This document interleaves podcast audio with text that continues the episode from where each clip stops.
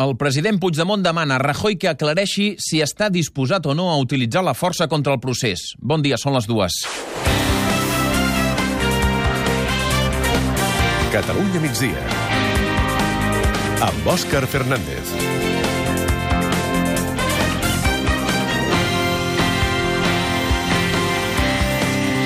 Ha estat en la sessió de control al govern aquest matí al Parlament. El president de la Generalitat ha demanat que s'acabi l'ambigüitat sobre l'ús de la força per evitar el referèndum. Està disposat el govern espanyol a utilitzar la força contra Catalunya? Crec que ja n'hi ha prou de jugar amb aquesta ambigüitat. Ja n'hi ha prou de flirtejar en els confins dels, de les costures del sistema democràtic. En la mateixa sessió de control, Puigdemont ha explicat que ja s'ha enviat una carta a la Comissió de Venècia demanant un pronunciament sobre el referèndum català, tal com demanava Catalunya sí que es pot.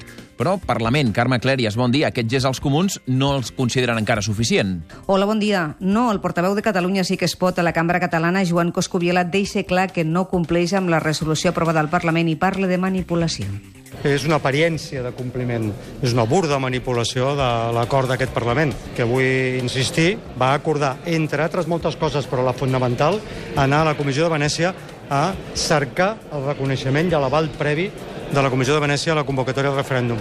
I mentrestant, a Madrid, avui, el fiscal anticorrupció, Manuel Moix, s'ha de reunir amb el seu cap, el fiscal general de l'Estat.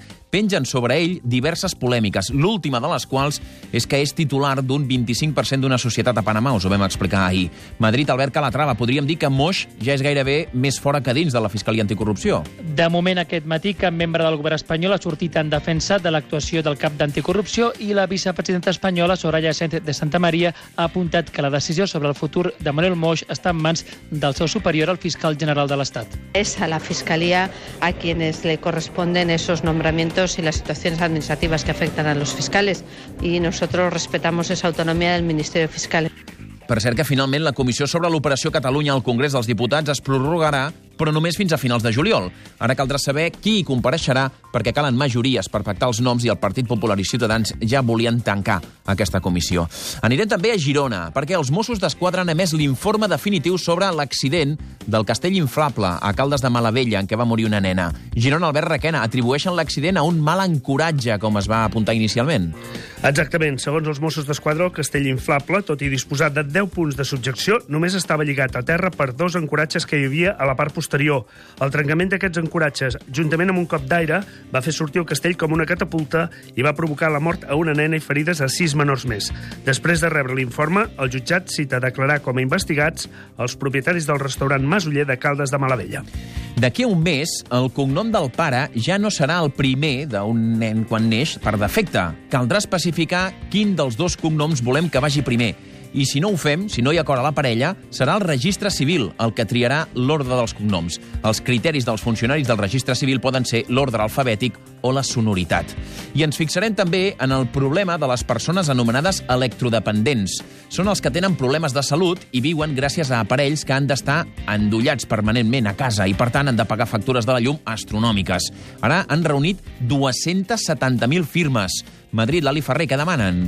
Bon dia, doncs encara que sembli mentida, no hi ha dades sobre quanta gent ha de viure enganxada a una màquina.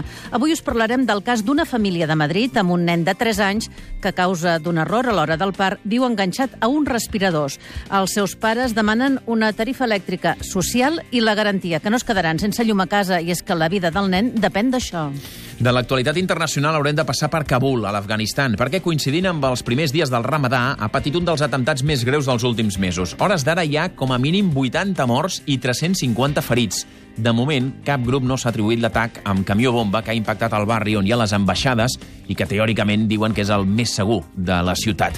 Per cert, que Donald Trump i el seu telèfon mòbil continuen donant carnassa. A banda d'un tuit mig acabat amb la paraula COPCC, que ningú sap molt bé què vol dir, avui hem sabut que va donar el seu número de telèfon particular a altres líders mundials amb els problemes de seguretat que pot generar dos mandataris parlant per una línia oberta de telèfon mòbil.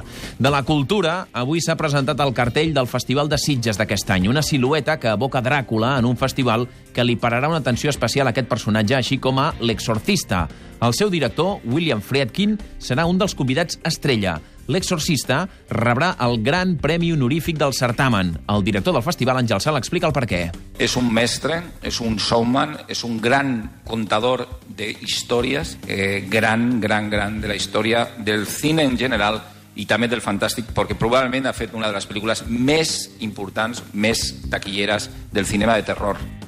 De l'actualitat més pròxima, ja hem passat per Girona, anem ara a Barcelona, que és el més destacat, Quim Balaguer. Bon dia. Els Mossos han desallotjat aquest matí sense incidents l'antiga fàbrica Can Sant Pere, al centre de Premià de Mar. Feia quatre anys que diverses entitats ocupaven aquest complex de 10.000 metres quadrats del centre de la vila, que és propietat de la constructora Núñez i Navarro. Anem ara a Tarragona, Ricard Boigas. L'Ajuntament de Tarragona encomana una auditoria externa que corrobori, segons diuen, que l'exgerent de l'empresa de transports municipal no va cometre frau amb la seva targeta. L'alcalde Josep Félix Ballesteros diu que Ciutadans, que ha dut el cas a la Fiscalia, ha fet un ús polític d'aquest cas.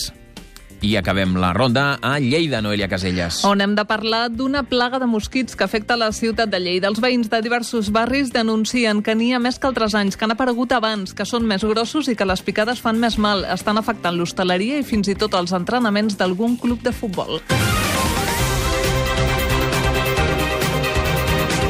Després de les notícies pròximes, quan faltin 20 minuts per arribar a les 3, serà el moment de l'actualitat esportiva. Robert Prat, bon dia. Bon dia. El tècnic del Barça, Ernesto Valverde, es fa aquesta tarda, a primera hora de la tarda, la fotografia oficial com a nou tècnic del club. Valverde tanca aquesta tarda alguns temes pendents abans de la roda de premsa de presentació que es fa demà a la una del migdia. Als esports del Catalunya migdia coneixerem què en pensen a l'Espanyol que un dels seus emblemes sigui el nou tècnic del Barça.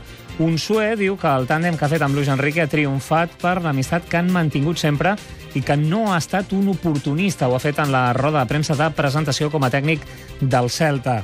El Reus no renova el tècnic que els ha fet guanyar la Lliga Europea, Enrico Mariotti, que es mostra sorprès per haver de deixar el club, mentre que avui el Barça està obligat a igualar a un l'eliminatòria per no caure eliminat a les semifinals de la Lliga de Futbol Sala contra el Pozo Múrcia i poder forçar un tercer partit.